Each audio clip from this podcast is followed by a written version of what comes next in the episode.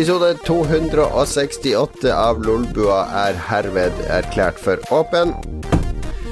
Velkommen til dette møtet skal du være Lars Rikard Olsen.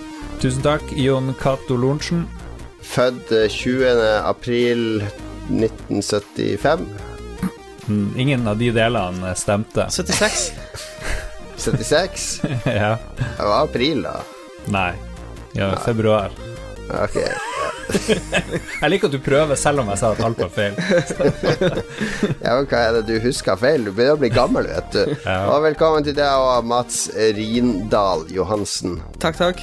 Har du vært i Rindal? Nei, jeg har ikke det. Det er life goals. Det, alle daler kan man dyrke vin i, vet jeg. Altså sånn drue og lage vin. Ja. Det er min eh, backup-plan når eh, vi legger ned oljefeltene. Hva syns Ja. du forresten om folk som bytter navn? Er det ikke innafor det? Er ikke lov, det? Vet du hva, faktisk eh, veldig bra tema du går rett inn på. Nå tror jeg du har lest tankene mine, for akkurat denne uka har jeg gått rundt og lurt på om jeg skal bare fjerne lunsjen. altså bare bytte navn til Jon. Fornavn Jon, etternavn Cato. Ja, men eh, Mats er jo ekspert, for han har jo uh, legally changed uh, mm. names. Hva var det du egentlig het? Var det Adolf? Ja. Adolf Adolf. Rindal Johansen? Mats Adolf Johansen. Ja. Det var for hett. For hett navn. Nei, jeg, hadde, jeg hadde et sånn vanlig mellomnavn. Jeg het Mats André Johansen. Men uh, det var flere problemer. For det første så var det, av en eller annen rar grunn, så var det sikkert tolv Mats som er født sånn 1980, 1981, 1982, som het Mats André. Det var ingen som bare het Mats. Alle het Mats André. Alle het Mats André. Ja, det var en sånn Freaky. super, Ja. det var en sånn superpopulær kombo. Så var jeg veldig lei, og så tok mudder'n og søstera mi eh, eh, familienavnet Rindal. Mm. Og så join, joina jeg dem. Så vi var Mm. tre som gjorde det samtidig. Ja, men det er helt innafor det. Altså, når jeg gikk på videregående, husker jeg det var eh, en som heter Rune Jensen, og en som heter Frank Olsen. Eh, ganske Nei, Frank Hansen het han. Og begge de Jeg husker ikke hva han Frank skifta til, men han fikk et fancy etternavn, og han Rune han heter jo nå Falk, med CH til etternavn. Ja, Men det tenker jeg, i dag så tror jeg folk skifter navn andre veien. Fordi det er veldig lett å google f.eks. Mats Rindal Johansen, for da finner du bare det. Eh, mens det å hete bare Mats Johansen da, Ok, det er, eh, det er 70 stykk som heter Mats Johansen. Hvem av de Du vil jo gjerne være litt mer anonym nå, ikke Ja, sant? ja. Så jeg tenker vi får sånn backlash nå, at folk skifter navn til Frank Hansen og, og Eh, Jens eh, Olsen og sånn. head of the loop her. Lars Olsen er jo uh, mer Ja, det var Rikard som du må fjerne, da. Ja, jeg må er fjerne Hvordan, hvordan, å, Rikards. hvordan å bytte navn til bare ett navn, og bare hete Mats, liksom? Punktum. Madonna. Ja, jeg tror jeg lurer på det. De er jo ganske liberale nå. Men Jon Cato, det tenkte jeg det, Når jeg er i utlandet og sånn, det er Lorentzen er veldig vanskelig alltid. Det, men hvis jeg bare Mr. Cato, det er jo mye lettere. Kan man bytte fra med C til K, da? Du er Cato med K, liksom. Det er, Ja, det, faren min het vel strengt tatt Cato med K, men jeg liker C. C er bra. Det er litt eh, kontinentalt. og så er jo JC er jo Jesus Christ. Så Ja, JC, du har de, den forkortelsen Ja, nei, jeg lurer på om jeg skal rett og slett hoppe i det. Altså, ingen av barna mine heter jo Lorentzen til etternavn, så, så Heter det har ikke det? ingenting. Nei, de heter Mugås. er Det er så jævlig weak sauce eh, bare gi opp uh, familienavnet sitt. Ja, for du, du hadde skikkelig slåss for at dine barn skulle hete Olsen. Ja, hvorfor ikke? Det, Hva heter barna til bror din til etternavn? de heter noe sånn svensk bullshit. Nettopp! Nettopp! Fordi det er ingen som vil hete Olsen. Og med, hvor mange har du fått høre? Er det med Olsenmannen? Er det Olsenmannen som kommer her? Aldri har fått høre om jeg er med i Olsenbanden Du skal, få, du skal få lov å lage deg din egen podkast som heter Olsenbanden. Oi, Det fins sikkert allerede, når jeg tenker meg om. sikkert. Ja. Ja. Nei, men det, det Lunsjen betyr jo ingenting for meg. Nå er det unge som hyler i bakgrunnen. Men sånn er det for de lytterne som eh, trenger å vite det. Så har eh, Ja, vi kan begynne med hva har du gjort siden sist, for det, det er en veldig fin bro over dit. For jeg har eh, Min kone fant ut Hun har jo hatt ferie masse i sommer og har fortsatt en uke ferie. Fant ut i forrige uke, eller for fem dager siden, at nå var det på tide å gjøre litt sånn hjemmeinnredning. Eh, så at de to yngste barna som har delt rom, nå skal de få hvert sitt rom. Og så er jeg bare Ja, men det Å ja, da går kontoret mitt, der som jeg har satt og spilt inn Lolbua, Eh, ja, for da kan han eldste, som har hatt hele loftsetasjen for seg sjøl, med loftstue og rom, han kan få det store soverommet i andre etasjen, og så kan jeg bare flytte kontoret opp i loftstua, som egentlig er en gevinst, fordi det, jeg har tre ganger mer plass enn jeg hadde på det kontoret, mm. uh, men så jeg har ikke noe dør eller noen sånne ja, ting. Det, der må jeg liksom legge inn protest, fordi du kan ikke drive og ha 15 unger som du har, som har ADHD, uh, eh, regner jeg med uh, etter faren, og så skal liksom drive og rope og kauke hele dagen under sending. Så her, er det noen mulighet å installere dør? Uh, ja, men det er Tjukt forheng? så kan det være det, men uh, det er nå bare å uh, Du får bare holde ut. det er episodetittelen. Får bare holde ut.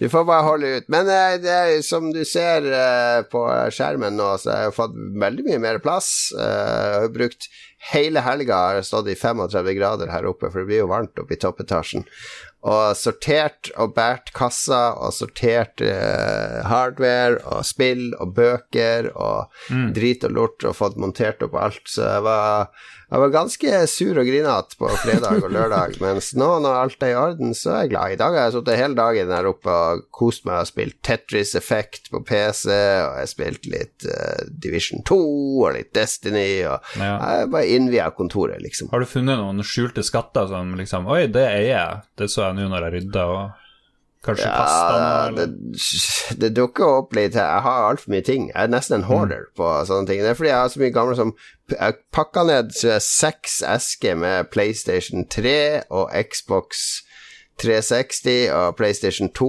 og Switch og Nei, ikke Switch, men GameCube og Nintendo 64-spill, liksom.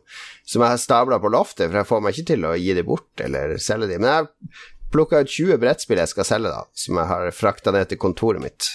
Mm. Ok, 20, ja. Bra, bra. bra. Nei, men eh, gratulerer, du har masse plass, og det ser veldig fint ut der oppe. Det gjør det. Og så ja, er du rett ved siden av en sånn peis, eh, eller sånn Ja, det er en pipe som går opp her, men den blir ikke varm selv om man fyrer i peisen. Så har jeg sofa rett bak meg, så jeg kan ligge og lese og slappe av her oppe. Jeg mm. har uh, på andre sida her, som du ikke kan se, så står alt DJ-utstyret, så jeg kan bare rulle bort hit, og så kan jeg DJ her, og så kan jeg rulle tilbake hit, og så surfe litt på nettet, og ja. Mm. ja. Nice. Gratulerer. Jeg begynte på jobb for en uke siden. Um, det er jo et ilandsproblem å klage over at du begynner på jobb, men mm. jeg, jeg, gjør det likevel. Første dagen på jobb gjorde nesten ingenting fornuftig. Satt bare og så ut i lufta, så at det var fint vær ute, tok lang lunsj. Liksom fikk gjort bitte litt. Uh, ja. Produktiviteten var skikkelig dårlig. Har du snakka med din bror om det her og sammenligna den følelsen av å begynne på jobb? Fordi For alle småbarnsforeldre så er det der Endelig sommerferien over! Åh, kan sitte meg ned her. Ingen unger som vil noe hvert femte minutt. Det er ganske deilig å begynne på jobb når man er småbarnsforelder. Ja, det vil jeg tro. Men problemet i tillegg er jo at det er agurktid, og jeg tror kanskje begynner folk å komme tilbake på jobb sånn i morgen, eh, mandag. Um, men det er fremdeles agurktid, selv om folk har kommet på jobb. For det er ingen som ja, gjør betyr, noe. Det er ikke alle som jobber i eh, mediebransjen. De fleste nå får jo alle sine nyheter fra YouTube og sånn, og der cucumber time er ikke et begrep på YouTube og Twitter. Hva betyr det egentlig, dette agurktid? Folk får jo ikke sine nyheter på YouTube. Hvis de snakker om noe, så stammer det jo fra genuine nyhetskilder. Nei, agurktid det betyr bare at alle får ferie, og ingen gjør noe, og det skjer ingenting av konsekvens. Så alle nyhetene detter enda mer i verdi, liksom. Kasten er fjerna fra Fleischer og ja, ja, ja.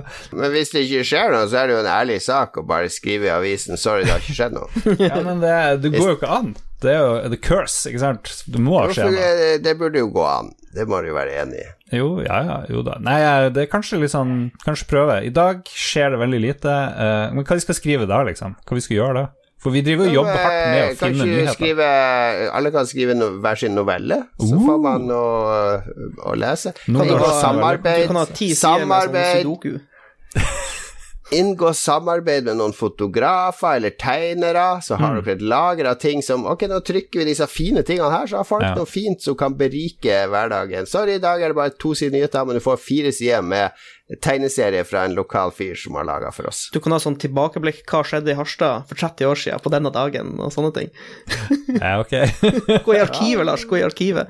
jo, jo, jeg skal ta med alle de Det er gode forslag. Ja. Ja, men vi skal ha betalt for disse forslagene, for da sitter dere faen meg en hel gjeng der nede og tvinner tommeltotter, og vi har ikke noe å skrive om. Og vi på to minutter så har vi klart å fylle flere uker med aviser Eller- nå, Lars. Eller så kan dere ta inspirasjon fra den svenske komedien Kops Ja, og lage Å Og lage nyheter, ja. Akkurat som partiet lagde kriminalitet. Men vi har begynt med en spalte som heter Det skjedde. Jeg vet ikke om det er den beste navnet på spalten, men der drar vi frem sånn 10-15-20 okay. år siden. Ja, så, dere har gjort det jeg har sagt. Så vi har egentlig gjort det, men vi fyller ikke fire sider. Da tror jeg folk bare What the fuck er det her for noe? liksom fire sider Ja, jeg vet ikke, kanskje noen ville likt det. Våre lesere er jo veldig gamle, så kanskje de liksom har glemt det. Eller? Mm. Ja, ja, Ok, nok Karstad, nok Karstad. Vær så god, Mats.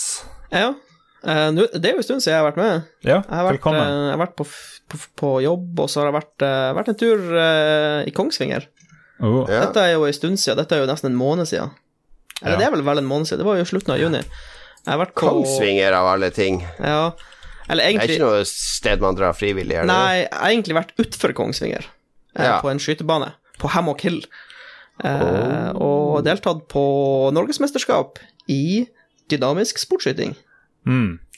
Mm. Til de som har Jeg har jo snakka litt om denne sporten jeg har holdt på med tidligere. Det er basically veldig sånn amerikansk eh, sportsskyting. Du springer rundt på sånne baner, og så skal du gjøre Du skal skyte på alle blinkene så fort som mulig, uten å bomme, da.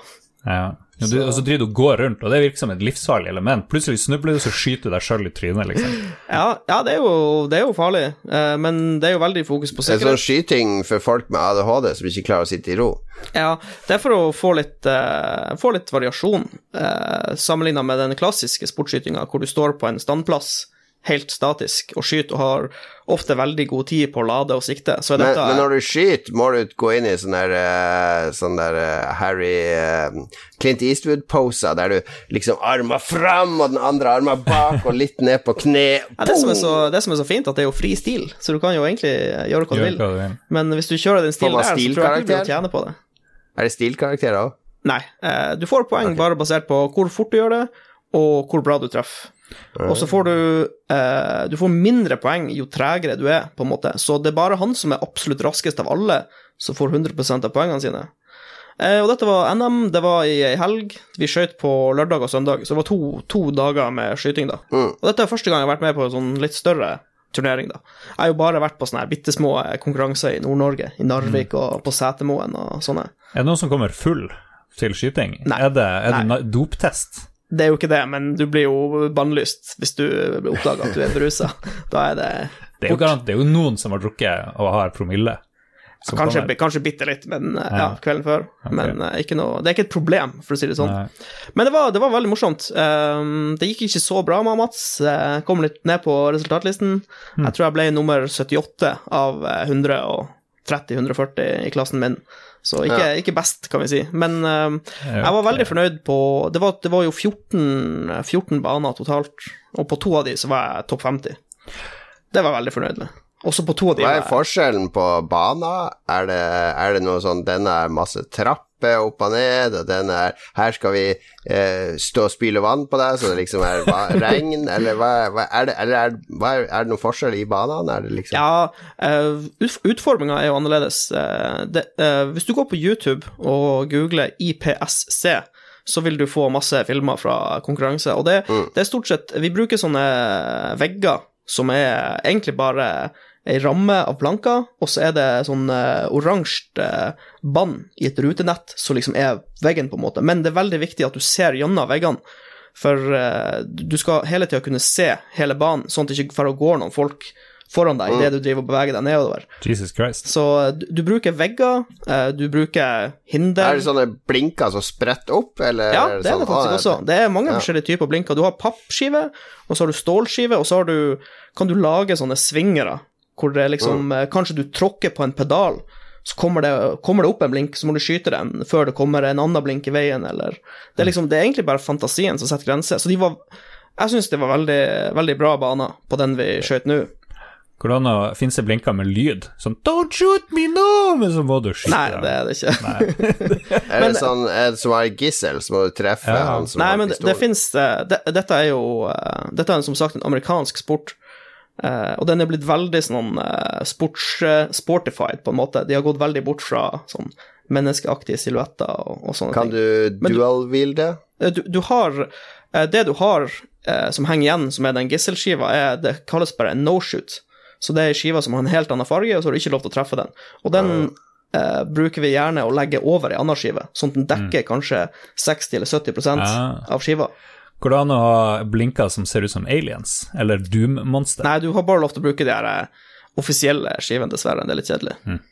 Og liksom, Har du fantasert om, siden dere er sånn 100, litt over 100 utøvere, om hvor kult det hadde vært hvis det var Battle Royale i stedet, at dere bare gikk ut i skogen og skøyt hverandre? jeg, jeg tror ikke det hadde vært så morsomt. Dere var jo Nei, men har du fantasert Nei, det var ikke det jeg spurte om. Du, syns da, har du, fanta, du har fantasert om det, bare innrøm det. Nei. Nei? Hvorfor vil jeg fantasere om å potensielt bli skutt av noen?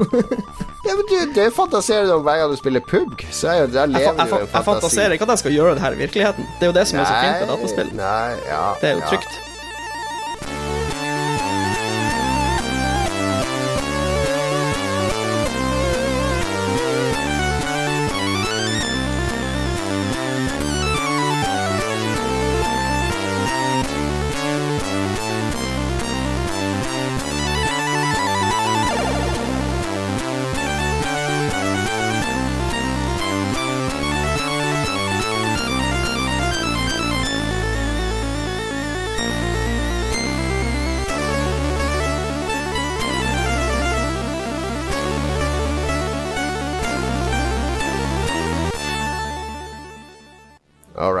Hva har vi spilt siden sist, var det vi egentlig skulle snakke om. Eh, han Rutger Hauer døde jo i denne uka her. Ja. Nei, eller han døde Ja. 19. juli, men det ble kjent på Ja. sånn fredag eller noe sånt. Ja, Hvem er. Rutger Hauer? Det er Rutger Hauer er filmstjerne fra Nederland. eh, Ble oppdaga av Paul Werhoven, som hadde han med i masse filmer. Og så ble han mest kjent da Rutger Hauer tok og kasta han usett til Blade Runner. Ridley Scott. Ridley Scott, hva jeg sa Du sa Rutger Hauer. Hva sa du sjøl. Å, så stupid. Eh, og, og han spiller skurk, hovedskurken, men en veldig likende skurk i Roy, Roy Batty. Roy Batty, en fire år gammel eh, androide, eller hva han er, Nexus uh... som driver og, og eh, dør dramatisk, spoilers, en, og har en enorm sluttmonolog som han delvis improviserte Ja. uh, sjøl. Så han døde 75 år gammel, sikkert litt tidlig, men eh, herregud, han har levd et eh, langt eh, liv. Mm. Eh, spilte i The Hitchhiker, var vel en sånn grøsser mange syntes han var kul i. Wedlock. Wedlock Hobo og with a shotgun. Blind Fury syns jeg var Fury, sånn. ja. Ja. og, Det er mye B-filmer, altså, Ja, ja. bortsett fra Blade Runner. Ja da, Ja. han uh, gjorde mye skitt. Var bare med i to spill, fant vel noen ut. Um, blant annet eh, The Observer, som jeg tok og Uh, spilte litt av i dag. Jeg kan ikke si så mye, fordi jeg, det har skjedd så mye denne uka. her Jeg skal, skal ikke gå inn i det.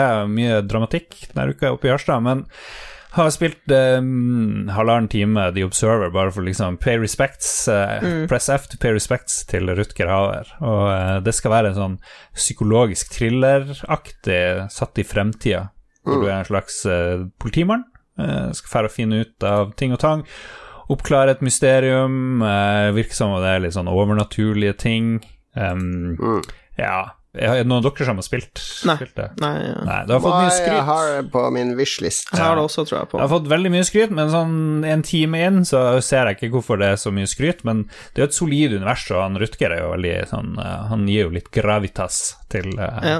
til rollen. Så, men jeg skal kjøre på. Jeg drev og uh, Første koden i spillet er 1984. Spoilers. Oh. Den, den klarte jeg å Finne å ut av. finne til slutt. Litt sånn omstendig interface, fordi du har to ulike vision modes. En som er en sånn du ser bio-ting, og en du ser tekno-ting, og bare vanlig syn. Så må du switche mellom tre ulike syn der du er, for du er, det er sånn eh, Batman-mekanikk, ikke sant. Du ser De- spor detective vision. Detective vision, men du har liksom tre ulike måter å se på. og Det er litt mye, spør du meg, men Du eh, bare observerer i du er jo the observer. i fleng. ja, og så tror jeg du kan gå inn og, i tankene til folk og hjernen, men jeg kan komme oi, oi. så langt. Ja. Så. Ja, ja. I don't know. Men det Eh, var altså den siste Siste rollen hans. mm, Ja, eller bortsett fra det andre spillet, kanskje det er nyere, tror Ja, jeg. Observer er et par år gammel, tror jeg. Ja. Ja, det, ja, det siste spillet han er med i, er vel Kingdom Hearts 3, tror jeg. Ja. Han har stemmen til en av skurkene. Men jeg har jo sett uh, Den nyeste filmen med han er jo The Sisters Brothers, og den har jeg jo sett. Eh, som er med han Joaquin Phoenix, er det ikke det han heter? Mm. Uh, og han John C. Riley, som to sånne beinharde leiemordercowboyer som jobber for han Rutger Hauer, som er The Commodore. Uh, The Commodore sender de ut for å trekke ned folk som har svindla han og andre ting. Eh, som er en ikk- det er ikke en veldig bra film, egentlig. Eh, den er fra 2018. Men eh, jeg kom på det når han døde, at oi, det var Rutger Det var antagelig hans siste film. Mm. Mm. Rip uh, Rutger. Rip Rutger, altså Mats, hva har du spilt? Ja, jeg har ikke spilt så mye dataspill i det siste, på grunn av at jeg har vært på jobb. What? Er du sjuk? Jeg har vært på jobb Det det var litt... nytt rangelbrett i pub og Jo da, jo da jeg, jeg har spilt PubG, men eh, jeg tenkte jeg skulle snakke om et analogt spill Oh. som, eh, som jeg spilte før jeg dro på jobb med noen venner, som Jon Cato har snakka om tidligere. Ja, det Men jeg tenker jo kanskje det er noen lyttere som hører nå som ikke hørte den gangen han Jon Cato snakka om Gloomhaven. Gloomhaven høres ut som et godt dataspill. Det er, det er litt morsomt. Eh, Du kan kjøpe Gloomhaven på Steam nå. Det er ja, også, det er Steam. det er også et dataspill. Ah, ja. Ja, de har lagd, de har lagd eh, dataspillversjon av brettspillet Gloomhaven. Så, Ja. kom, så var en, en, et eh, Kickstarter-prosjekt i 2017-ish. Nei, før det. 2016? 15-16. Okay, ja. No, noen år tilbake, i hvert fall, var det et, Ja. eh, et prosjekt på Kickstarter. Eh, det er et sånn kjempestort eh, dungeon crawler-brettspill, hvor du tar eh, rollen til eh, forskjellige helter, og så sammen med vennene dine skal du eh, spille gjennom scenarios. Og så er det en Det som er litt kult, er at eh, hver gang du spiller, så henger det sammen. Du har en kampanje, nesten som i et rolle, rollespill, når du spiller Dungeons and Dragons. Så eh, spiller du eh, forskjellige helter, du får eh, mål som du skal prøve å nå med helten din, så kan du pensjonere han og ta ut en ny helt, og så er det masse eh, klasser som er låst når du begynner spillet. Jeg tror vel det, bare, det er vel bare seks klasser som er tilgjengelig Ja. når du åpner eska. Eh, og så er det utrolig eh, bra lagd. Altså, det er bra kvalitet på alt. Er det sånn den veier ti kilo? Det, Ja, det er sånn massiv eske som veier ni kilo, eller noe sånt helt insane. Ja, Det er umulig å pakke ned, så du må pakke ned i masse. Du må bare lage Ja, masse ja jeg, jeg fant det ut når jeg skulle pakke det ned. For um, eh, det er så mye Det er så mye sånn her eh, templates til rom. For du setter sammen rommene, ikke sant, så du skal eh, komme deg gjennom i et scenario.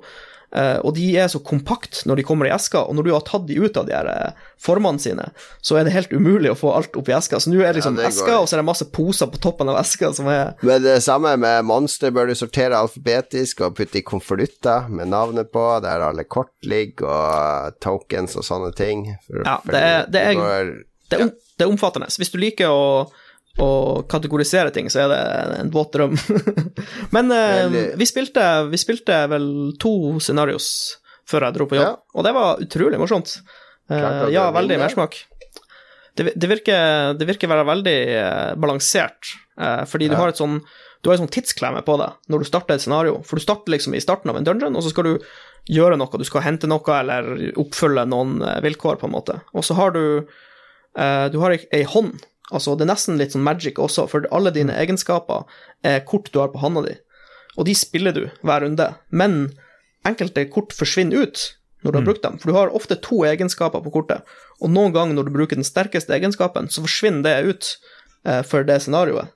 Det finnes noen ting som gjør at du kan få det tilbake, men det er ganske sjelden. Så alle sammen har et sånt tidspress. For når du går tom for kort, og du ikke kan hvile og få kortene tilbake igjen, så blir du exhausted. Og da må de andre springe videre uten deg. Så du har liksom x antall runder før du faktisk blir å feile, hvis du ikke klarer det. det er litt uh, tight. eh, det er jo sånn Alle sånne der, uh, rundebaserte strategispill lider jo av det, f.eks. XCOM. At hvis du går bare én og en rute fram og er sånn superforsiktig, så vinner du uansett. Det er jo derfor XCOM, altså den nye XCOM, har sånn her time limit. Presse, På presse spilleren litt. Ja, du må presse det fremover. Så det er ganske elegant balansert. Men så er det noe Det er noe ting Altså, det er jo sånn AI som styrer fiendene, ikke sant? Og den har en del Prøv neste gang prøv, spille, prøv altså å gå i en dør i den døra med de monstrene som du akkurat har åpna, gjør deg usynlig i døråpninga. Ja, nettopp, for da klarer ikke de å gå gjennom deg og sånn. Fordi hvis ikke de kan nå noen spillere som de ser, så står de bare i ro. Så Ja. det, det er en del sånne her, eh, ting som ødelegger litt belief, men sånn blir det når du kan, du kan utnytte det. For som sagt, det, det, er ingen, det er ingen av spillerne som styrer monstrene. Monstrene har et gitt mønster de vil følge. Altså, de har, de har en sånn eh, prioriteringsliste de vil følge liksom, for å angripe spillere. Så hvis du kjenner 100% prioriteringslista, så kan jo du selvfølgelig utnytte det. Og det er jo meninga du skal gjøre litt, men det fins, som, som Yokato sier, noen kombinasjoner som kanskje er litt for kraftige. Ja, men det er en del av spillet òg, så det går greit. Ja. Men vi har spilt sikkert 40-45 scenarioer, er egentlig dritlei av Gloomhaven nå. Jo da, men- Det hadde, kunne vært litt eh, kortere, fordi du går Selv om du åpner nye karakterer, så begynner de å rehashe gamle ideer og sånn. Nei da, men eh, det, det lille jeg har spilt, eh, ja, i hvert fall mersmak. Ok, på hele Vestlandet så hadde jeg spillet Dragon Quest Builders 2 på Nintendo Switch. Nå kommer det 19 unger gående opp til unger. Ja, det kommer en hel parade bak her. Eh, så jeg spilte på Nintendo Switch. Uh, det er jo selvfølgelig oppfølgeren til Dragon Quest Builders, som igjen er sånn sidespill i Dragon Quest-sjangeren. Dragon Quest er jo store japanske rollespill, akkurat som Final Fantasy, som har ganske mange sånne uh, sidespill nå. Og Builders er et av de som basically bare er Minecraft er kult. La oss lage, kombinere Minecraft og Dragon Quest. Så det er sånn tredjepersonsspill der du løper rundt med en fyr og, eh, som kan bygge, da. Så du kan crafte forskjellige materialer og bygge hus og hager og plante ting. Og det er Harvest Moon møter Minecraft eh, med masse, masse sjarm.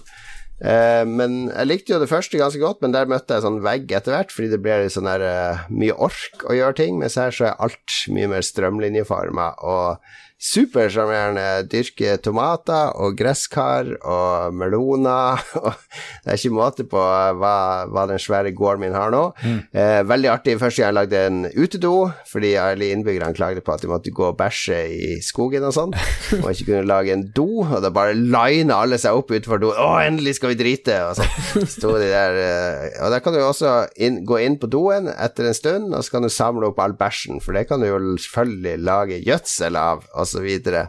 Uh, så det er superartig, koselig, veldig sånn sommerspill. Så hvis du fortsatt leter etter et sommerspill som kan akkompagnere deg, så er det ute både på PlayStation 4 og Switch.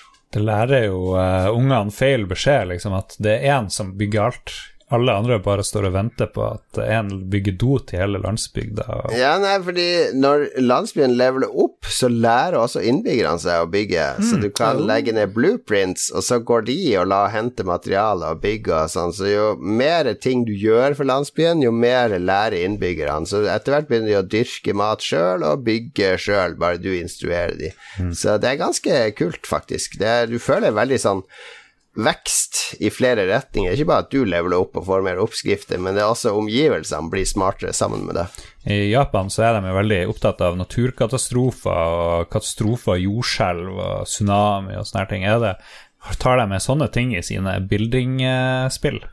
Det har jo vært en hel katastrofe her, så det er jo sånne destruktive krefter som gjerne vil at hele verden skal være ødelagt hele tida. Ah. Eh, og det starter jo veldig dramatisk med skipbrudd og, og, og monstre og alt mulig, så Mm, ja, vi kan akkurat si at det er et tema, men det er noe eh, Det er en sånn Det er en storyline om, eh, om eh, destruktive krefter som prøver å kue disse byggerne. Ja, men det er noe der med japanerne. Du har Godzilla, og du har Mekka, og du har tornadoer, atomkraft og alt liksom Det er fiksjon, så er det hele tida sånn ting som skal ødelegge dem. Ja, men her i Vesten så er det nå bare terrorister og uh, islamister, og uh, det er jo det som er trusselbildet her. Så uh, De er så isolert på den øya si, vet du, så de har liksom ikke de der... eh, andre folk. Men jeg så jo Jeg har jo den filmtjenesten Criterion har jo online streametjeneste. Der så jeg den originale Godzilla, eller Godzilla. Den aller, aller første filmen, den som starta det hele. Den er artig laga. Mye artig klipping og, og bruk av effekter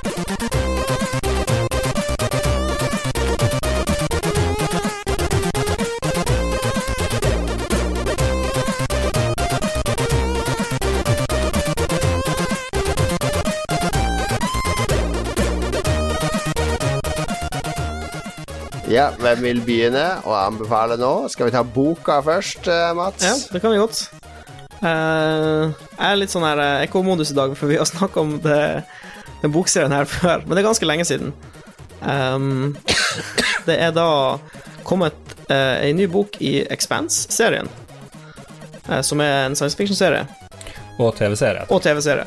Eh, litt relevant nå, eh, sesong fire kommer jo på Amazon Prime om ikke så lenge. Mm. For uh, Mm. det var jo en, en serie som gikk originalt på sci-fi, og så valgte de å avslutte den etter tre sesonger. Ja, I eh, forrige episode, eh, forrige episode så innførte vi jo en ny spalte som heter Trailer Trash, og da så vi blant annet traileren til uh, Ja, Til sesong fire. Ja. Nei, jeg tror det, jeg tror det kan bli kult. Uh, det er jo Uten å spoile for mye, så er bokserien skrevet som tre trilogier. Så bok én til tre er på en måte én story arc. Så de som har sett eh, TV-serien nå, sesong én til tre, har på en måte fullført den første av tre story arcs. Så nå starter den midterste, da. Og eh, den boka jeg har lest nå, er da nest siste bok i hele greia. Eh, begynner å bli ganske spennende. Ja. Eh, De begynner å bli som pensjonister, de her karakterene. ja, ja. Det har jo gått, eh, gått ganske mange år når du kommer til de tre siste bøkene. Eh, men det, det er så Det er så liksom Det er så lettskrevet, liksom. Det er så eh, Du bare flyter Ja, nettopp. Det er veldig pulp. Du bare flyter gjennom boka. Du slipper å tenke så altfor mye. Så det er litt sånn deilig. Jeg leste den her Tsjernobyl-boka, og det var jo bare fakta. 500 sider med fakta. Så det var veldig deilig å gå fra tettpakka fakta til bare å flyte gjennom verdensrommet med gutta boys, liksom. Det var ja, utrolig deilig. Apropos Tsjernobyl, har du noen nye Tsjernobyl-facts? Ja, Altfor mye. det, vi må ha en hel episode om det, tror jeg. Jeg så ferdig episode fem av Ja, ja. Tsjernobyl. Det tok meg en måned å se ja. Tsjernobyl. Det var så deprimerende. Ja, det er heavy, heavy greier. Jeg elsker han der skuespilleren som er han der Legasov, eller han der hovedforskeren. ja, Han er awesome. ja han, du, burde se, i du burde se The Terror. Ja? Han er, spiller kaptein der. Han er Han er sentral i Mad Men nå. Å, ja. Ja, ja. Ah. Nei, men uh, kort, kort oppsummert, jeg trenger ikke å snakke så mye om den boka. Det er bare Hvis du, hvis du ikke har lest Expense, så bare, begynn, bare les Expense. Det er helt konge. Eh, og hvis du har lest bok syv og ikke lest bok åtte, for den, det er ikke så lenge siden den kom, den kom i slutten av mars, så burde du absolutt uh, springe og kjøpe den og begynne å hive deg i gang. Ja. Jeg har lest noe. Det er morsomt. mm, levere varene. Og det, blir jo en, det er nesten en ny sjanger, den siste boka, i forhold til de andre Ja. bøkene. Ja, ja. Det er litt sånn her weird. Ja. Nei, det er veldig, veldig kult. Ja. Eh, Ja, vi kan si at den heter Tiamats Wrath, kanskje. Bok nummer, bok nummer åtte. um, jeg skal Jeg kan anbefale alle å eh, Eller jeg skal anbefale en bok jeg leste Jeg tror ikke jeg har anbefalt den før. Jeg fant den i hvert fall ikke i sendeskjemaet, men det er jo han uh, japanske Hva heter han eneste japanske forfatteren som alle leser? Haruki Murakami. Murakami eh, sin bok 'Killing Commendatore', som er den nyeste Murakami-boka på det vestlige markedet, i hvert fall.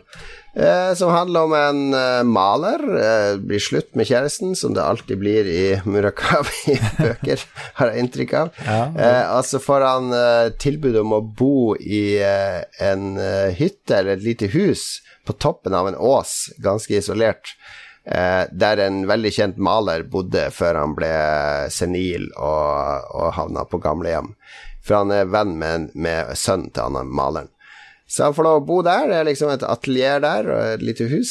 Så kan han bo og jobbe der for en billig penge. Så han bor oppi denne, denne åsen, i denne skogen, Og jeg, vel, jeg driver våkner om natta av sånn lyd av sånn bjelle ute i skogen bak der. Jeg husker det er ganske isolert. Bjella var akkurat fra klokka eh, 01.30 til 02.14 hver natt. Så jeg må ut og undersøke det. Og så er det en mystisk eh, millionær som bor på andre sida av dalen, eh, som han blir kjent med. Eh, og så er Murakami er jo alltid litt sånn surrealistisk. Det er litt sånn rare ting som skjer som Du vet ikke helt om det er drøm eller virkelighet. Det kalles gjerne eller, magisk realisme. Det er, sånn, det er en virkelig verden, men så er det innslag av ting som egentlig ikke kan Ja. forklares rasjonelt. Ja, og det, det er litt eh, Det er ikke alle Murakami-bøker jeg er så glad i. Jeg liker mange av de kortere tidligere, men den her er en av de lengre som jeg syns er bra, fordi den, er, den har en litt sånn der horror-feel som jeg liker, med denne bjella og skogen og alt det der. Og veldig Jeg vet ikke helt hva boka betyr, eh, selv om jeg har lest ferdig alle 700-800 sidene.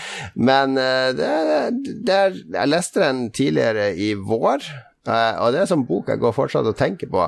For jeg orka ikke å anbefale den i vår, Fordi da visste jeg ikke helt hva jeg syns om den. Men når jeg fortsatt går og tenker på den og husker karakterene i den og episoder i den, så har den jo gjort uh, veldig stort inntrykk på meg. Ja. Eh, det er mye sånn inspirerende der. Altså om kunst og det å leve alene, og det å bygge et liv for seg sjøl, og det å observere andres liv, osv. Ja.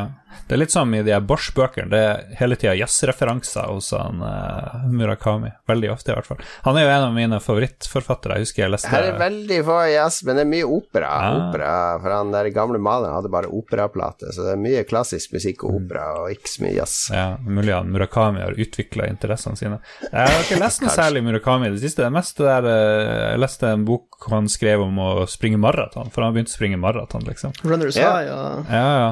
What I think about when I think about running, eller hva den heter. det Nei, du burde prøve deg på Killing Commendator, for det er også noe oss som prøver å være litt sånn kreative av og til, og skrive ting eller skape ting. Mm. det har også noe det treffer en nerve på meg der òg, den der kreative prosessen.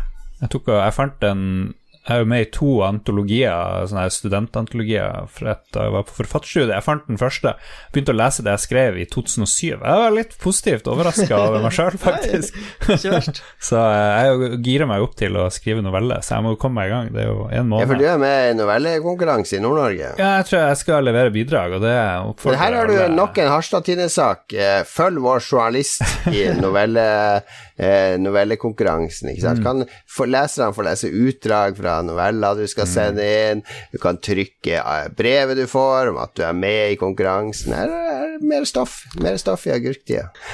All right, du har sett på TV, skjønner jeg, Lars. Yeah, den streametjenesten med best bildekvalitet, tror jeg, er Amazon Prime. Den uten, uten tvil. Den inneholder også mest drit, men det har Ja. kommet en ny bra serie som heter The Boys. Eh, adoptert, basert på en tegneserie eh, skrevet av Garth Ennis, som vi jo kjenner fra Preacher. Ja, ja. og eh, Skrev han også involvert i det her Transmetropolitan? Eller Sikkert. Han har hatt masse syke ting. Ja, og en som heter Derek Robertson. Og eh, første episoden kom 26. juli, over i går. Noe sånt? Jeg vet ikke. Vi ganske, så den i lag. Ganske, ja, ja, på fredag. Det kom på fredag. Og så så jeg episode to i går, og det er bare kjempebra. Det handler om et univers hvor det er masse superhelter, men vi følger de vanlige menneskene som er offer for superhelter, for de bare De, de er veldig korrupt, kan du si. Eh, og eh, det er en spesiell, spesielt en superheltgruppe som heter The Seven, eller noe sånt. eh, er organisert som et stort selskap med Elisabeth Elizabeth Shue som eh, sjef, eh, og de er kyniske som faen. Eh, men nede på gata en dag så blir en vanlig kis mister kjæresten fordi hun står litt ute i veien. Så kommer en superhelt og bare springer over henne, bare skletter henne helt. Og så, En sånn The Flash-kopi. ja, Ja. en sånn The Flash-kar. A-Train. Og så dukker plutselig han Punisher opp, hva han heter han? eh, Butcher. Butcher heter karakteren her. Carl, Carl Urban. Spilt av Carl Urban, eh, som er en sånn Han påstår han er FBI-agent og ute etter å ta de her eh, The Soups. Jeg Ja, straff, Soups. straffe. Ja, og sånn begynner serien. Og han er veldig sånn forsiktig og litt feig fyr, han her hovedpersonen, som jeg har glemt navnet til. Og, men eh, kommer seg vel litt etter hvert. Men det er kjempebra skrevet. Veldig mye bra replikker, og effektene er kule, og skuespillerne virker å være veldig bra. Oppi det hele så kommer det en helt ny rekrutt inn i det her eh, The Seven. Og det blir sånn metoo-skandale med om en gang stakkars dame Hun må liksom gi en blowjob til en, eh, til en fyr, og det ja, det er ikke bra. Så sånn begynner det. Milde spoilers, eh, men se i hvert fall de to første episodene. Det kan jeg stå inne for. Amazon Prime, og jeg håper det er veldig bra. Det ser ut som alle episodene kom med en gang. Jeg tror det ble sluppet av en, en go. Det er litt sånn Det er litt sånn her Watch, Watchmen, bare mer humor, da. Altså, det Ja. Det er åtte er ikke det, episoder. jeg har bare sett første episoden, men for meg så er det her bare en piss-take på hele Marvel-opplegget. Med de der eh, barnefilmene til Marvel. Her gjør vi det Sånn her er det egentlig eh, foregår, ikke den der illusjonen. Jeg vil si at det er veldig sånn Hvis noen eh, hadde sagt til meg Ja, liksom, jeg, jeg ser på en måte Garth Ennis-elementene i det, liksom, for han er veldig sånn her eh, Han er glad i ultravold. eh, Han er jo en irsk, irsk dude med britisk, eh, syrlig og sarkastisk Nettopp, humor, så nettopp. det skinner gjennom at det ikke er jeg, helamerikansk. jeg ser Preacher i det, på en måte. Preacher pluss uh, Watchmen, vil jeg si. Men tenk Avengers. Avengers. Hellblazer, var ikke det? Jo, Hellblazer også. Jo, det er også Ja.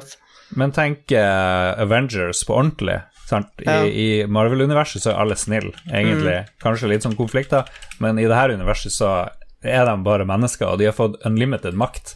Og hva gjør de egentlig da, når de eh, er over alle andre? Ja, de er ikke gode mennesker.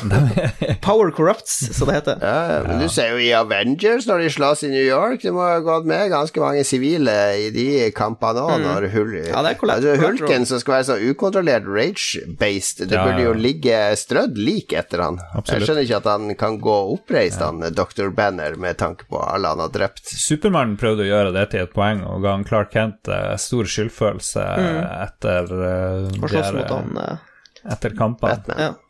Nei, men eh, jeg har bare sett første episode. Jeg syns det var artig og finurlig, eh, men så ble jeg veldig usikker på om det egentlig var på vei noe sted. Men eh, ja, jeg får gi det noen episoder til. Ja, ja, gjør det. Alright, tre anbefalinger der. The Boys på Amazon Prime Video. Expanse, bok nummer åtte, Tiamats Wrath. Eh, bare eneste avbrev du bør lese, er 1, 2, 3, 4, 5, 6 og 7 først. altså Killing Commendatore, der trenger du ikke å lese noe først. Det er Haruki Murakami. San.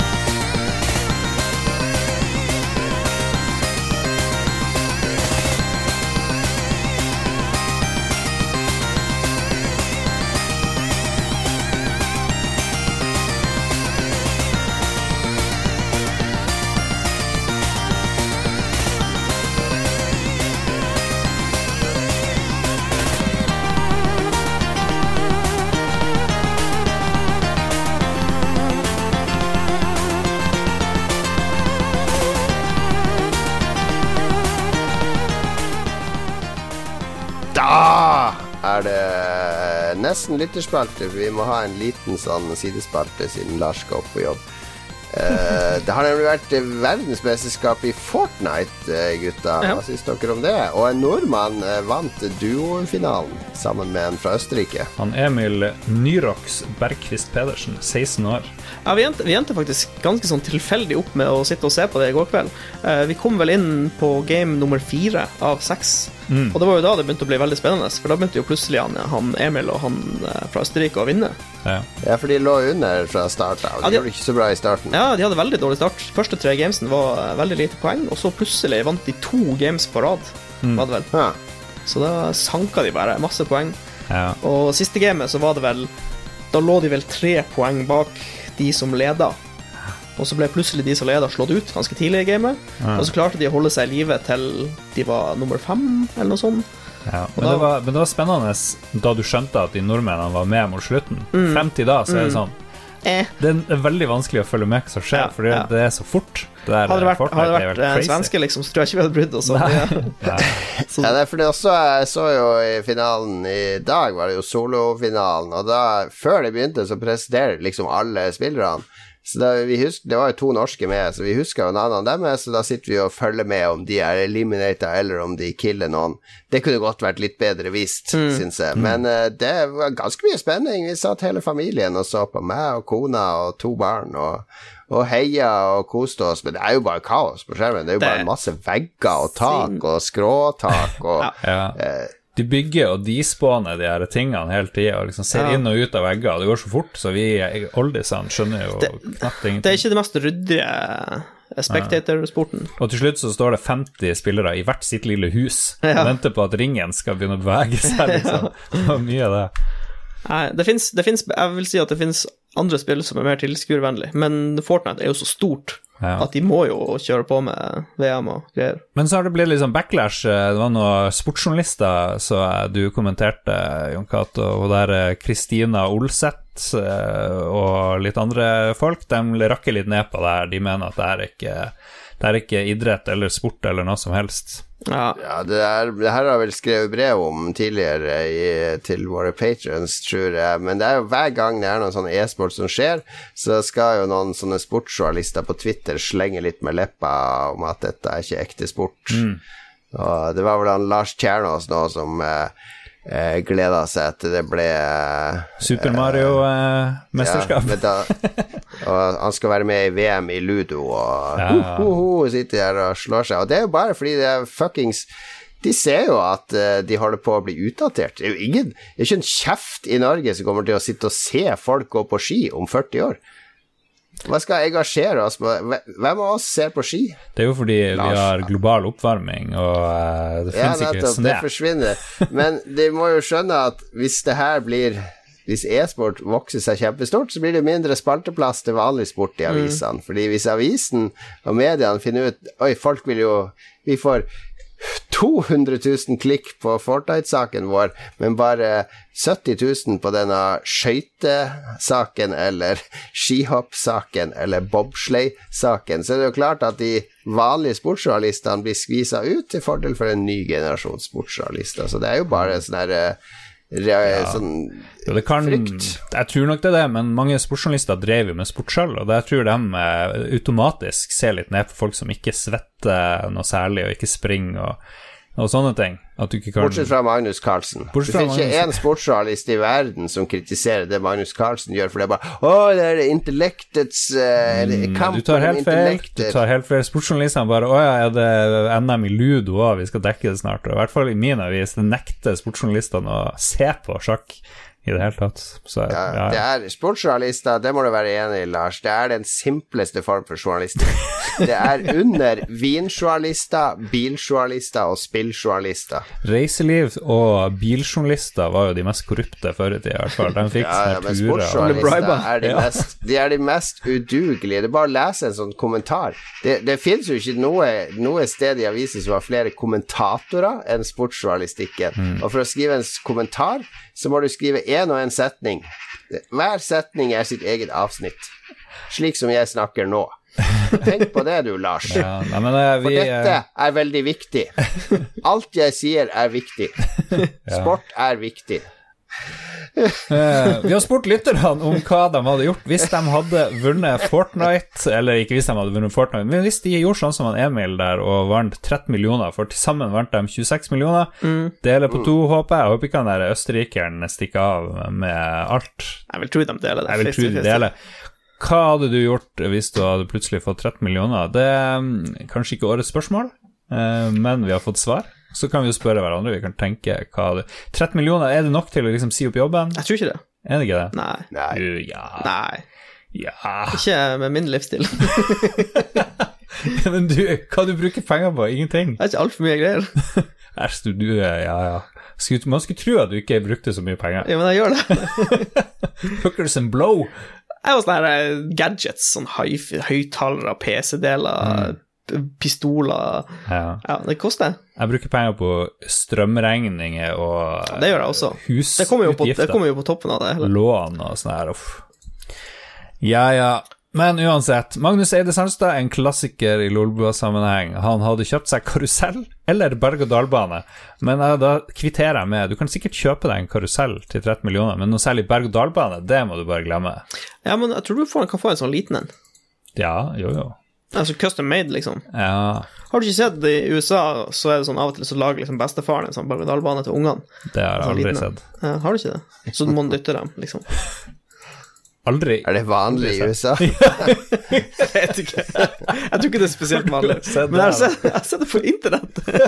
Selvfølgelig. Bestefar som lager berg-og-dal-bane. Ja, av tre, liksom. Hvorfor ikke? Ja. Sikkert masse jeg- arbeidsledige berg-og-dal-bane-teknikere. Null stress, så kan du få en berg-og-dal-bane for 13 mil. Bare gi meg 13 mil, jeg skal fikse deg en berg-og-dal-bane. Ta, ta kontakt. Hvis du får 4 rente på de 13 mill., Lars, så får du en halv mill. i året du kan leve på. Det går helt fint, skal jeg gjøre glatt. Må bare leve litt cheap. Jeg kan bo i sånn her um, ute i Kassfjord. Der er det billig. Ja, Kjøpe deg litt av rønna. Men det er jo en bevegelse nå med folk som jobber for å pensjonere seg før de er 40. Hmm. Eh, Jeg leste en del om det. Jeg har vært i intervju med et par av de i Aftenposten, i, jeg tror det var i A-magasinet og sånn. Eh, Sånne unge folk som begynner å jobbe, og som De bruker ingenting. Altså, Ja. de, de har leilighet, og de har eh, spis og alt sånn, men de går aldri ut. De kjøper seg ingenting. Alt de har, er brukt. Og de har den innstillinga at sånn her skal jeg leve i 15 år, fordi hvis du tjener 600 000 og sparer 350 000, eller 300 000 av de hvert år, og du klarer å leve for 150 000 Jeg var, da, du, sparer 300 000 i 15 år, og så kan du flytte til Puerto Rico eller et eller annet sted, og så kan du leve av det resten ja, av livet det, uten å jobbe. det er faktisk en ganske stor sånn movement på nettet. Jeg var innom på en sånn sub... Ja, ja, det, Jeg var innom det det en um, subreddit som heter FIRE. F-I-R-E. Financial Independence Retire Early. Og det er, det er veldig mange folk der, liksom. Og alle, alle setter seg et tall. Dette tallet trenger jeg. Og så har de en sånn cirka når de blir å nå det tallet når de blir å pensjonere seg. Men det er ganske kult konsept. Veldig målretta. Mm. Ja, blir lite eh, ny subwoofer og Yes, det er det som er, vet du. Du må, bo, du må leve som en munk. Ja. Og det er ikke... det, det jeg også tenker at uh, Jeg vet jo ikke om jeg lever om 15 år, eh, eller Ja, ja. Du vet jo ikke åssen situasjonen er, Mm. eller verden er, eller Hvorfor skal du gå og lide i 20 år for å kanskje leve bra i 20 år? Mm. Litt enig der. Ja. Nei, det er high risk, spør du meg. Ja. Uh, Han, eh, Raymond Eikås Kaspersen hadde i hvert fall eh, følt at 13 mill. var nok, for han sier han hadde ikke møtt opp på jobb på mandagen. Nei, i morgen. ja. Så han føler at det er mer enn nok penger. Det du kan gjøre, det er å ta en tiårs pause. Du bare bruker en million i året, eller mer, Ja. i ti år. Living la vida loca, og så eh, kanskje du er blakk, men da er du litt sånn Hvorfor ikke? ja. Mange måter å gjøre det på. Ja, Rikard Hansen hadde kjøpt seg hus, for han er smålei av gutterommet for en eller annen rar grunn. Ja. ja. Eh, hvor gammel er Rikard Hansen? Det er, jo, det er jo legitimt. Tenk, det er jo fire å bo på gutterommet. Hvis, I hvert fall hvis du bor hjemme hos foreldrene dine. Tenk hvor mye du sparer da.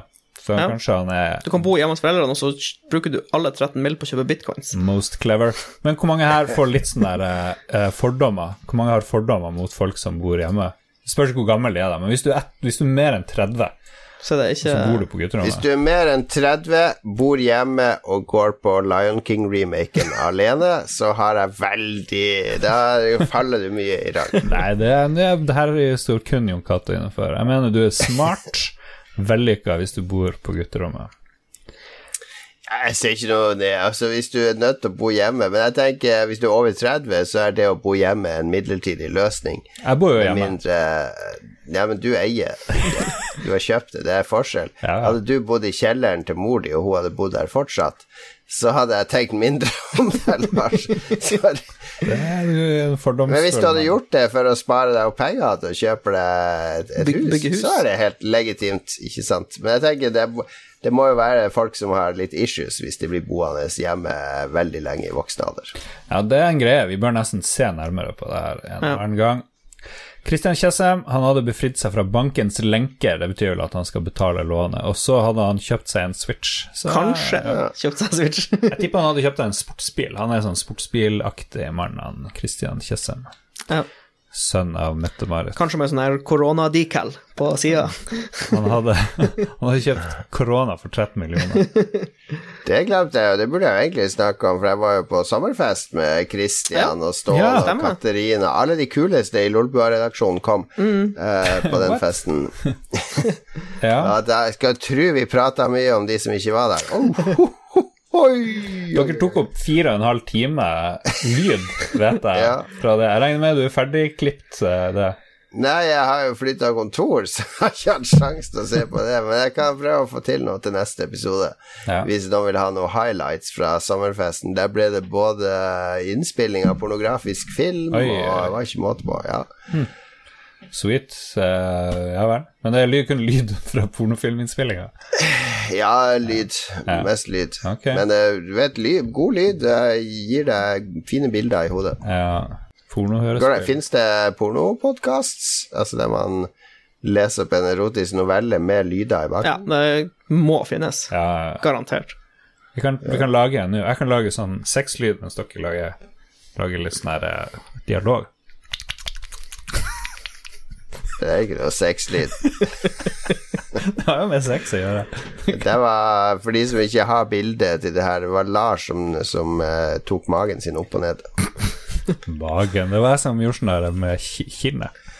Hva da? Kinnet? Det går ikke an å lage sånn lyd med kinn. Jo. Det er ok.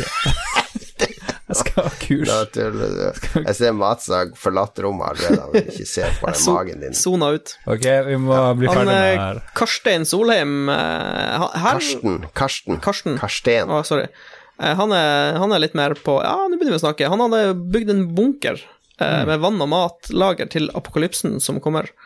Ai, ai. Ja. Det må jeg ærlig innrømme. Hvis jeg hadde vunnet sånn her eh, 13 mill. føler jeg er litt for lite, men hvis jeg hadde vunnet sånn her eh, saftig eurolottopott på sånn 100 pluss mill., da hadde jeg kjøpt ei sånn her eh, svær tomt, og så hadde jeg bygd et sånn her eh, ei festning av et hus med sånn betong og glass og Du vet sånn her ja. Den der eh, eh, eksmaken, da. Den der mm. compounden han fyren bor i. Jeg hadde Ja. bygd noe sånt. Det er mye bortkasta penger der. Jo, det er jo så kult, Lars. Ja, jo, Hva er, det du, hva er det du får igjen? Hva er følelsen? Jeg får du sier- enorm nytelse. Nytelse av å bo beskytta Ja, ja, altså, ja, ja, et kult hus som er beskytta, liksom, og ja, liksom, det er bare en sånn drøm jeg har. Jeg vet ikke, jeg, har ikke, jeg kan ikke sette alt til ord. Men så i dag så er du sånn litt over gjennomsnittet paranoid, kanskje, eller sånn prep-minded, men hvis du først får de der eh, bunkersen, så kommer du til å gå loco og ja, det blir down sånn, in det blir sånn rabbit, rabbit hole. Ja, ja. Ja, men det er derfor du skal, være, du skal grounde meg, Lars. Ok, ja. Ja, du skal få lov til å komme på besøk. Det blir nesten, det blir som eksmaken, da, faktisk. Det gikk ikke bra med han som kom på besøk i eksmaken. Ja. Ja. Bra film, se den. Eh, Øystein Reinertsen, 'Hookers and Blow'. ja, det er jo Ja. De som får raske penger, de bruker det jo veldig fort, så det er en Ja. stor sjanse for at det blir litt hookers and blow, eh, er det ikke det? Mm, det er det. Det er det. Så uh, sånn er det. Takk, Øystein. Til slutt, Frode Oppsal. Han hadde nok drukket bort ti år av livet mens han pønska på noe lurt eh, å bruke penger på. Kanskje to bonusår med panten. han skal ha sånn Leaving Las Ja, Vegas-greier. Dette er jo det du foreslo, Lars. Ja, forhåpentligvis møtt veggen hardt nok på det her tidspunktet til å opprettholde grøfta med det brutalt ærlige motivasjonsforedraget. Alt du trenger er to tomme hender og 13 millioner. Så det var ikke så verst. Plan klar. Ja, Motivasjonsseminar er jo eh, en karriere er liksom rebound, rebounden Ja, er ja. det. Det er liksom, Hvis du brenner av deg trynet, da kan du ha motivasjonsseminar. Mm. Ja, hvis du drikker hardt i ti år og bruker, kaster Ja. bort 13 mill. Det er jo den mest realistiske planen. Tror dere han er der chess-fyren drar rundt på som foredrag og snakker om hva dere ikke, ikke skal gjøre? Ja, hva gjør han? Han Volvik, Idar Vollvik. Ja, hva gjør han Vollvik? Han driver sikkert og Har han, har han seminar? Det var ikke han som hadde de der eh, du kan ligge på på stranda, så du skal stå og vinke frem at de her digre pølsene du skal blåse opp, så det, sånne sofa. Så blir det en sånn oppblåsbar strandsofa som ikke funker i praksis. Du skal stå liksom og holde den oppe mot vinden, og så skal du dra den inn og ut av vinden så den skal fylles med luft, og så skal du knyte den igjen fort og legge deg på. Det var Idar Vollvik Ja. sin greie. Det er det han gjør i dag, tydeligvis. Siden vi ikke har hørt noe om det, så Nei. har det sikkert ikke gått så bra. Jeg tror han må satse på foredrag. Kanskje. Kanskje Du ser det, en kompis driver og ringer både meg og Mats. Ja, han er han Øystein. Kom til byen. Han lurer, Øystein. han lurer sikkert på hvor vi er. Ja. Ja. ja ja. Nei, men uh, da er vi tilbake. Er sommeren offisielt over for oss i Lolbø, eller? Ja, den er vel det. Ja Det er vel august nå straks, så. Vi må vel uh, Skylder vi en roffelbua? Hvor ligger vi an der? Nei. Vi må snart spille inn en roffelbua. Ja. Ja. Det Det er produksjon, det snakker vi om utenom Vi gjør det. Vet du hva Dette var egentlig den siste sommerepisoden. Nå går det tilbake til normalproduksjon fra oss. Det skjer jo litt ting i, i ukene og månedene som kommer. Eh, jeg skal på Øyafestivalen, f.eks. Det blir eh, hyttetur med meg og Mats og Lars og alle våre venner i september. Uh, og i oktober kommer det til å skje noe stort i Oslo som vi skal annonsere senere. Jeg vet Oslo, alle hater å høre at det blir Oslo, men uh, det er ikke bare Det er mange faktorer som teller inn nå. Jeg drev og tenkte på uh, Patrion-backerne våre. De som virkelig får the juicy shit. eh, kun én gang i måneden, men det er da vi slenger ut uh, Roffelbua, som snart skal spilles inn. Og eh, to-tre av de som bidrar mest, det er Rolf Helge Øvergård Ingebrigtsen, TPT, MXMP og Kobrakar84. Takk for dem. Hvis du har lyst til å bli Ja. Patrion, gjør som 124 andre som nå driver og støtter oss uh, hver måned. Ja. Så går du på patrion.com slash lolbua, så kan du få Nå bør det komme brev fra Jon Cato, tenker jeg. Apropos har bare eh, slutta å sende de til deg. Uh, du er ikke på Patreon. Tror jeg absolutt ingenting på Det kommer. kommer brev fra Kato, Cato, men dere får i hvert fall eh, denne episoden, blant annet, for uh, backerne våre først. Så Early Access-episoder av både videoer og lyd og sånne ting. Så nok om Patrion. Nok om Patrion, nok Lolbua for denne gangen. Vi er tilbake neste uke som vanlig. Eh, og inntil da så håper vi du overlever sommervarmen eller sommerkulda eller ekstremværet. Kjært barn har mange navn. Takk for oss. Takk til Mats. Takk til Lars. Takk til eh, Jon Cato. Og takk til deg som lytter på. Du er den viktigste personen i våre liv. Ha det bra. Ha det.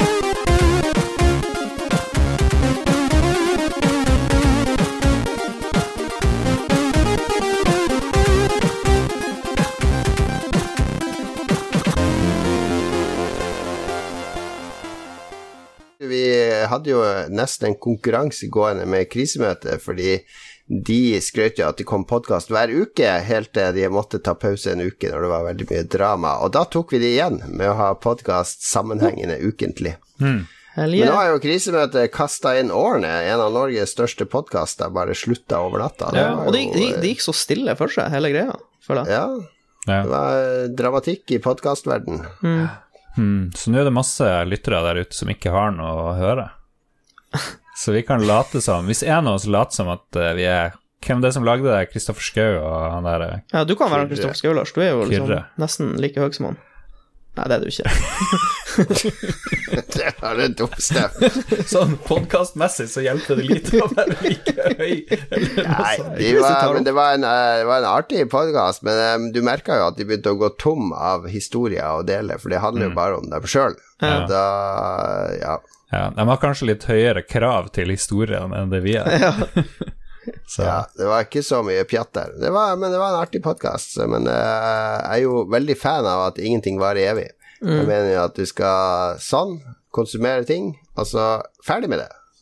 Da legger du bak deg, så begynner du med nye ting. Ikke gå på kino og se sånn herre Lion King-remaken. Den har jeg vært og sett, forresten. Det kan jeg også dele når vi først er i gang, for vi har ikke så mye på sendeplanen denne gangen. Fordi jeg, jeg hater jo disse remakes av filmer. Det synes jeg det er jo helt uh, Jeg skjønner ikke hva man skal med å remake en film. Filmmediet har jo ikke endra seg siden 60-tallet. Eh, Du kan jo bare se filmen på nytt når disse remakene kommer, så du, sitter jo voksne folk i 30 pluss sitter jo på internett og diskuterer estetikken i nye Aladdin versus den Aladdin de kjente. Og Sammen med Lion King og dit og datt. Da tenker jeg, hva er det som skjer med folk? Har de ikke vokst fra det, disse greiene de opplevde når de var barn? Mm, Er, det, er vi oppriktig opptatt av eh, ting som Transformers og He-Man og andre ting som preger barndommen vår, at vi virkelig orker å engasjere oss og gå på kino alene og se en, en, en film som de bare rehasher ja, i dag? Jeg, jeg syns Ja, det er helt det- merkelig. For meg som kun elsker gamle ting, stort sett, så hater jeg jo automatisk remaker. Jeg liker ikke Blade Runner-remaken, jeg er veldig skeptisk til Top Gun-greiene. Jeg driter opp i der Disney, så jeg har ikke sett noe av det der, eh, det du har sett. Jeg, jeg, jeg, Så sett, ja. vi kan liksom ikke si om det er bra. Jeg, jeg så at- Lion King, og det var på, for det første var jeg på bygdekino, der folk sitter med sånn eh, det er flashlight-funksjon på Skrudd på midt i filmen på mobilen, for de skal filme ungene som spiser godteri eh, og snappe hverandre og sånn. Så det er den største ukulturen av en Kina noen gang har vært på. Eh, så mye bråk og folk som gikk fram og tilbake i den hele filmen. For det andre så var det jo masse barnefamilier der, men i hvert fall 20-30% av publikummet var sånn folk på 30-40 som gikk alene eller i par for å se en animasjonsfilm med snakkende dyr. Det, er- det er jo helt infantilt, spør du. Snakkende dyr, ja ja, nei, jeg vet ikke. Han, Roger Ebert, en av de store filmanmelderne uh, i, gjennom tidene, han sa jo at det har ikke noe hva filmen handler om, det handler om hvordan du gjør det. Sant? Du kan ta uansett tema og gjøre det bra eller dårlig. Det handler bare Ja, ja, om det er gjennomføringa. Ja, Og så syns jeg vi burde, vi burde skille mellom remakes og faktisk det som er direkte oppfølgere. Ja. Hvis, du kul, hvis du har et kult univers, og det bare har kommet én film, så syns jeg det er helt innafor å lage en oppfølger, med liksom å bruke det Ja. universet mer. Og så har du de nye Star Wars-filmene, som er en mellomting mellom nye filmer og remakes, for det er så likt det gamle. Ja. Men jeg, jeg, er ikke, jeg er ikke en fan av at folk bryr seg så absurd mye om Star Wars. De bare liksom Bare se filmen, liksom, og så bare Ja, Ja. nå- der har jeg problemer. Ja. ja. Jo, men jeg, jeg, syns, jeg syns er ferdig med, med Star Wars, fordi min Star Wars-opplevelse var når jeg var fra 10 til uh, 20 år. Uh, og så ble den ødelagt fra 20 til 30, for da kom de episode 1, 2 og 3. Det var en digresjon. Det var en digresjon. Men jeg anbefaler Vi er ikke kommet til ukas anbefaling, men jeg anbefaler ikke Lion King på kino. Det er eh, Jeg har bare to karakterer på barnefilmer, det er om jeg sovner i filmen eller ikke, og her sleit jeg seriøst med å holde meg våken i det der Timon og Pumba-kapitlet der han lever livets glade dager langt vekk vekke fra skar og hyene. Ja. Jeg vet at vår nyeste medlem, Katarina, jeg tror hun gråt fra start til slutt. Omtrent på Ja, for hun og Ståle var på De var separat, men de har begge vært og sett filmen, og Ståle sang, og det er tydelig en annen generasjon under meg så det her betyr veldig mye mer for. Ja. Yeah, yeah. All right. Hva har vi spilt siden sist, var det vi egentlig om. Har du et enkeltpersonforetak eller en liten bedrift? Da er du sikkert lei av å høre meg snakke om hvor enkelt det er med kvitteringer og bilag i fiken, så vi eh, gir oss her, vi. Fordi vi liker enkelt. Fiken superenkelt regnskap.